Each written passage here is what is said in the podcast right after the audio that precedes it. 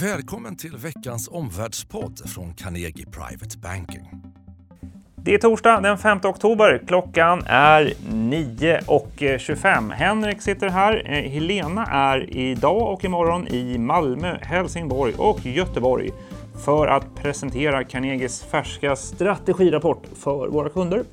Särskild gäst idag eh, är en annan uppskattad kollega. Det är vår börsanalytiker Jonny Torssell. Han är välbekant, varit här förut faktiskt. Författare till analysbrevet Short Term. Särskild gäst och särskilt börsfokus idag. Jonny, eh, du gästade oss senast den 24 augusti. Eh, jag tror att det var fem dagar senare som Stockholmsbörsen verkligen bottnade i år, då efter en väldigt tråkig utveckling under sommaren får man ju säga. Nu verkar ju börsen knappt kunna sluta eh, stiga. Vad är din bild av var Stockholmsbörsen står just nu? Mm. Eh, vi har ju navigerat efter en karta under större delen av året. Eh, där vi pratade då i våras om att eh, vi, vi kommer få en topp precis eh, någonstans innan sommaren. Sen kommer vi att få en svagare utveckling under sommaren och en botten någonstans under hösten.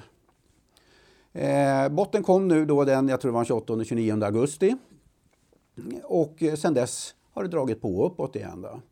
Det har gått upp, jag tror det är 9 procent eh, sen den botten. Det har gått upp 13 dagar i följd. Och eh, går jag tillbaka de senaste 29 åren så hittar jag ett enda tillfälle när det gått upp 12 dagar i följd. Jag hittar inget på 13 dagar, men 12 dagar i följd. Och det var den 20 juni 1993. Eh, då, då hade, gick börsen upp då 7 på, på 12 dagar i följd upp. Sen föll den en dag. Och sen steg den med 17,5% under de kommande 20 börsdagarna. Som en liten kuriosa. Ja, eh, vad är din tolkning av det? Är det en urstark börs vi står? Att vi slår historiska rekord, vad betyder det? Ja, det här är ju naturligtvis ett, en indikation på styrkan när börsen stiger under så många dagar i följd. Det är ju naturligtvis jättestarkt. Var kommer optimismen ifrån? Eh, svårt att säga. Eh, uppgång föder uppgång för att det har funnits väldigt mycket eh, negativa nyheter här ute. Hade börsen gått ner, då vet jag vad, vad, börs, vad, vad man hade pratat om. Eh, och vad man hade skyllt det på. Man hade skyllt det på Nordkorea, man hade skyllt det på eh, turbulens eh, kring politiken i USA och eh, sådana saker. Men nu har börsen istället gått upp. Eh, så det har varit eh, jättestarkt verkligen. Okej, okay. eh, senast vi pratades vid senast, alltså en eh, oerhört stark uppgång. Eh, nu då, framåt då? Kan Stockholmsbörsen verkligen fortsätta uppåt? Eh, svar ja, det kan den och det tror jag att den kommer att göra. Eh, på en till tre, eller säg en till sex månaders sikt så kommer det här att gå upp, tror jag. Jag har egentligen eh, fyra skäl till det, eller egentligen ännu mer, men det, det är väl de grundläggande eh, vad ska man säga, anledningarna. Nummer ett, det är säsongsmönstret. Normalt sett så går vi in i en väldigt stark säsong i det här läget. Tänk att du gör ett experiment. Att varje gång, varje år, den första oktober, så går du in och så köper du Stockholmsbörsen och sen säljer du Stockholmsbörsen den första handelsdagen i mars. Det vill säga, du går in helt mekaniskt och köper på de sex starka månaderna. Vad har hänt då? Historiskt? Jo, de senaste 29 åren, det vill säga så långt som jag har historia i min databas, så har börsen gått upp i eh, 79 procent av fallen. I genomsnitt ungefär 11 procent, vilket är helt fantastiskt starkt. En bra årsavkastning. Ja, men verkligen. Speciellt i de här lågränteperioderna. Och det är på sex månader. Så det, som sagt, säsongsmönstret nummer ett, oerhört starkt. Mm. Och det andra? Andra skälet, eh, vi har gjort en så kallad impulsrörelse upp. Och vad är då en impulsrörelse upp? Låt mig få likna det med, säg att du sitter med, med en boll i handen. Eh, vi tar den bollen, vi, bara, vi kastar upp den i luften. Vad är det som händer i det här läget? Jo, när du kastar upp bollen i luften, då har den som störst hastighet i starten. Sen kommer hastigheten att avta och sen vid något tillfälle så kommer bollen att stå helt stilla innan den sen vänder riktning och vänder ner. Ungefär samma sak ser vi på de finansiella marknaderna. När vi har en väldigt stark hastighet uppåt, då toppar sällan börsen. Utan börsen rör sig uppåt. Det går långsammare, långsammare och långsammare. Sen står den stilla, går sidlänges under ett antal månader och sen toppar det och sen börjar det vända ner. Så tittar man på det här historiskt på Stockholmsbörsen, och jag har kollat på under de senaste eh, knappt 30 åren, när vi har fått en sån här impulsrörelse upp.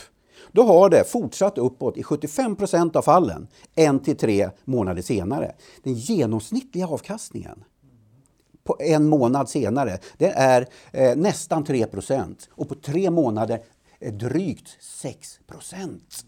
Vilket ju är oerhört starkt. Den historiska sannolikhetsbedömningen här, eh, gäller den också i dagens läge? För en fortsatt uppgång? Ja, det är det jag tror. Eh, det är det som den här statistiken just nu visar.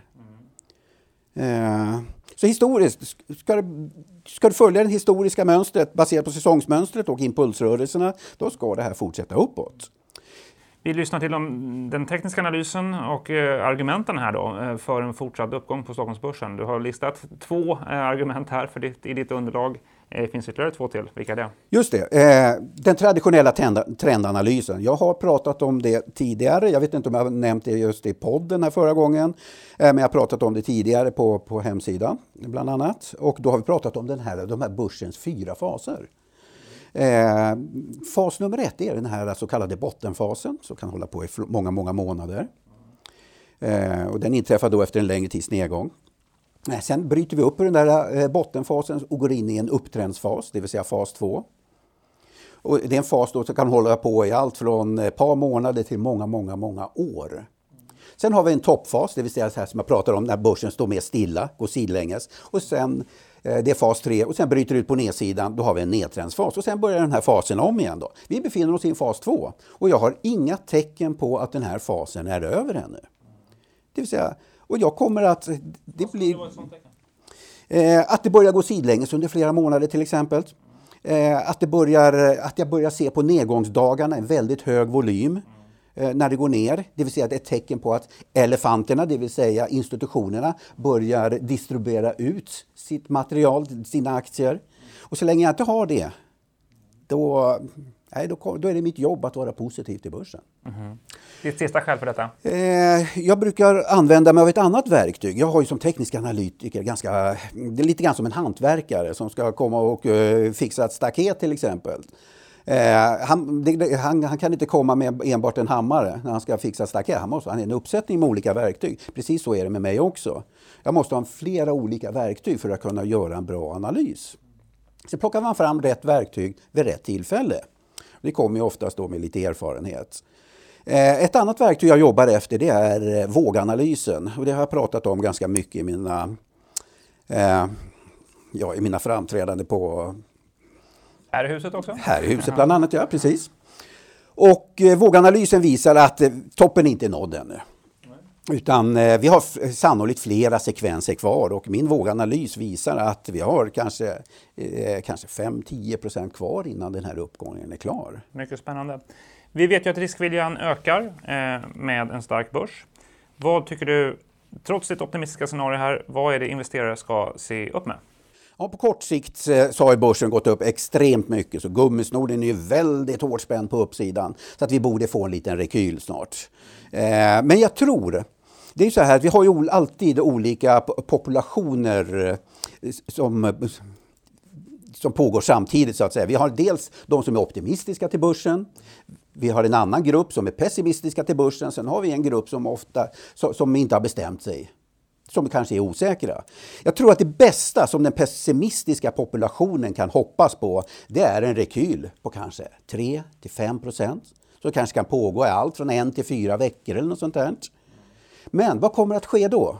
Ja, då kommer de som eh, är positiva till framtiden, eh, den optimistiska gruppen, då kommer de som har missat uppgången, de som har sålt av under, på vägen upp, då kommer de att börja gå in och handla igen vilket kommer att leda till fortsatt en, en ökad efterfrågan. Och vi kommer att, tror jag, se eh, nya högre toppar framöver. Men se upp för rekylerna, det är det du säger? Ja, precis. Det är helt naturligt med rekyler i en, eh, i en upptrendsmarknad. Jonny, om du kort ska summera din bild av läget på Stockholmsbörsen?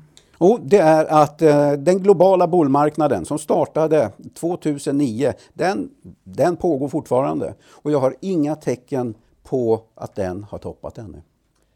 Tack så mycket Jonny Torssell eh, för samtalet där vi nördade ner oss i teknisk analys. Mm. Spännande och roligt. Och det är ett spännande läge nu på börsen och i vår omvärld förstås.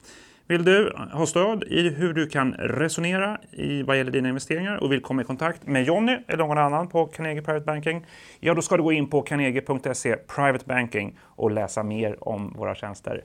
Vi hörs nästa torsdag. Tack för idag. Tack för att du har lyssnat på Omvärldspodden från Carnegie Private Banking. Vill du veta mer om vad som händer i vår omvärld och få aktuella idéer till affärer? Gå då in på www.carnegie.se veckans viktigaste och prenumerera på vårt nyhetsbrev.